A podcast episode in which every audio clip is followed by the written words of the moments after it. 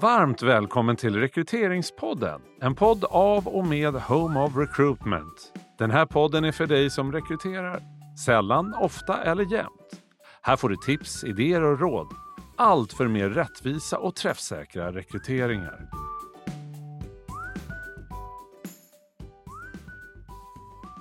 Hej och välkommen till Rekryteringspodden. Idag sitter jag här, Anki. Och jag, Josefin. Och vi har ett avsnitt här där vi ska prata om hur gör man när man bedömer svaren i en intervju? Ja, för det är ju så att eh, vi har pratat mycket om till exempel intervjuguider och eh, kompetensbaserade frågor. Och, och um, många tränar på att eh, ställa rätt frågor och eh, säkerställer att man har eh, en intervjuguide som hänger ihop med kravprofilen och så vidare, vilket ju är jättebra. Men eh, en viktig del som man inte alltid fokuserar så mycket på, det är ju också hur kan vi faktiskt bedöma de svar vi får under intervjusituationen, eh, så att vi kan använda svaren på ett bra sätt. Och vad behöver vi tänka på då? Precis. Och det finns ju eh, mycket forskning som stödjer det att ju mer vi kan jobba med en mekanisk bedömning, desto eh, mer träffsäker blir vår, vårt rekryteringsbeslut.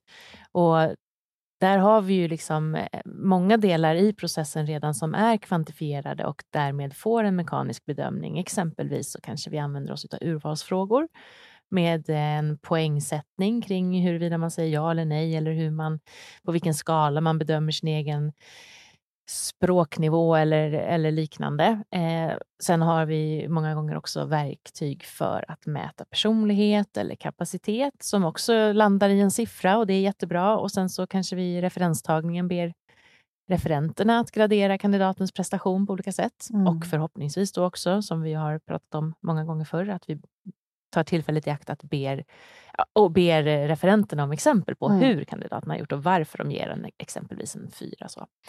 Men det som många eh, kanske lite grann glömmer bort, eh, precis som du säger Anke, det är ju den här delen som har med intervjun att göra. Där vi lite mer då är benägna att kanske lite godtyckligt göra en summering av hela det mötet. Liksom. Ja, mm. men det, det blev bra eller sådär eller så. Och där vill ju vi verkligen slå ett slag för att göra den bedömningen också mekanisk. Mm. Alltså de här kvalitativa svaren, att få ner dem till någon typ av, eh, alltså kvantifiera dem helt ja. enkelt. Mm. Och eh, ett enkelt sätt att göra det på, tycker jag, det är ju faktiskt att använda en skala, eh, till exempel 1 till 4, mm. tycker jag är bra. Eh, då har man inte liksom den här 1 till 5-skalan där 3 blir någon slags genomsnitt, eh, som man kanske alltför ofta hamnar på. Mm.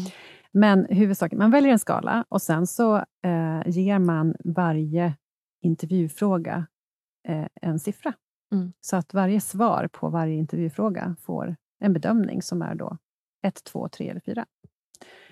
Och Det här gör ju då att eh, i slutet av intervjun, när man har eh, efteråt eh, sitter och gör sin bedömning, för att det är någonting som är lättast att göra efter intervjun. Mm. Att vi inte sitter och skriver siffror under själva intervjusituationen, utan att vi gör det efteråt.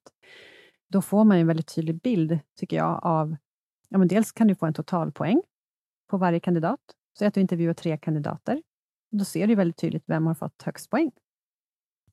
De poängen kanske är snarlika. Då kan du också gå in och titta på var är de här kandidaterna starkast? Och kan det vara då till exempel att vi har eh, i kravprofilen sagt att en viss kompetens är extra viktig? Ja, men då, kanske vi, då ska vi ge den då extra tyngd och titta på det och den siffran. Så att eh, det här gör ju vår bedömning väldigt mycket enklare. Mm. Och det är ju som du säger den enkla varianten skulle jag vilja påstå och den är jättebra och kanske den också som funkar bäst för de flesta verksamheter. Eh, sen kan man ju också fundera över huruvida man behöver vad vi kallar för bedömningsankar, alltså definitioner av vad är då en fyra, vad är en etta på den här skalan. Och Det är också väldigt, väldigt bra om man får till det såklart, att den här kompetensen, samarbetsorienterad, den definieras på det här sättet i den här rekryteringen. En fyra innefattar den här typen av svar och en etta på andra sidan skalan är det här. Eh, det är vissa som gör det på den nivån. De skulle jag säga, de, de är ju vanligtvis väldigt liksom, tunga rekryteringsexperter, jobbar med assessment och personbedömningar och så vidare. Ger man sig på den typen av liksom, underlag för verksamhetens chefer så tror jag att det kan bli lite väl mastigt. Men det är, det är såklart eh, önskvärt eh, mm. om man får till det. Men vi brukar ändå avråda lite grann från att... Ja, men inte göra det för, för mastigt. Nej, men exakt. Det viktigaste, tänker jag, är ju ändå att de personerna som är... Om det är fler personer involverade i samma process, så är det ju viktigast att man kalibrerar gentemot varandra. Mm. Alltså, vad menar vi med en fyra, vad menar vi med en etta?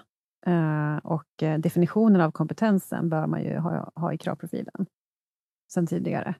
Uh, så att uh, vi inte betygsätter olika. Nej. Eh, och en ger aldrig en fyra, för att man tycker att då ska det vara exceptionellt, medan mm. en annan är mycket mer benägen att ge en fyra. Så. Så problemet uppstår ju främst när man är fler involverade ja. eh, i samma rekryteringsprocess. Är man ensam så är det viktigast att man förhåller sig på samma sätt till alla kandidater i samma process, mm. såklart.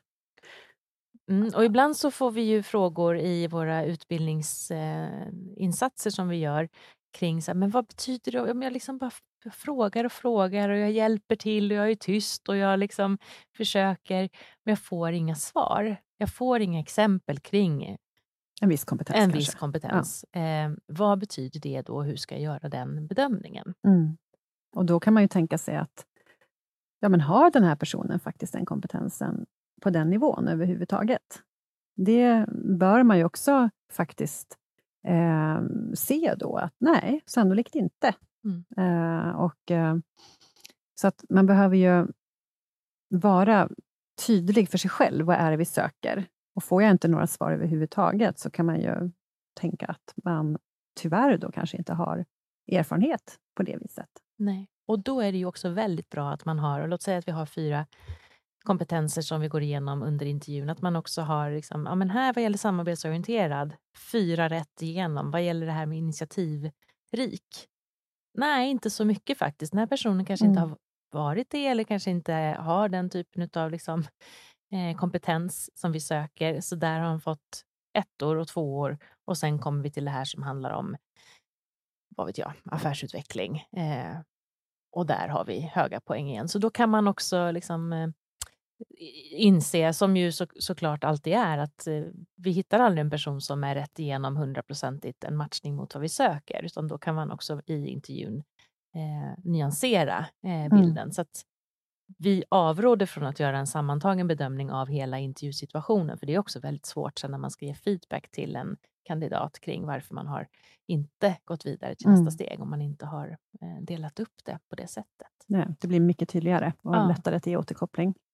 Och eh, eh, för att kunna göra den här bedömningen, att, att, faktiskt ge en siffra, så är det ju viktigt att man eh, ställer följdfrågor, så att man inte nöjer sig med den här huvudfrågan och sen så kommer man liksom inte på djupet med, med det här exemplet, utan att man faktiskt ställer så pass många frågor så att man förstår hur kandidaten agerade i den här situationen. Mm. Eh, och Vi brukar ju också säga det att man ska i princip kunna se framför sig, som på en film, hur den här kandidaten gjorde mm. i den här situationen. Då har vi tillräckligt med information för att kunna göra vår bedömning. För gör vi inte det, om vi börjar om vi är lite för snabba, eh, inte ställer tillräckligt många följdfrågor, så börjar vi skarva och hitta på själva. Mm. Det är så vi funkar, vi människor.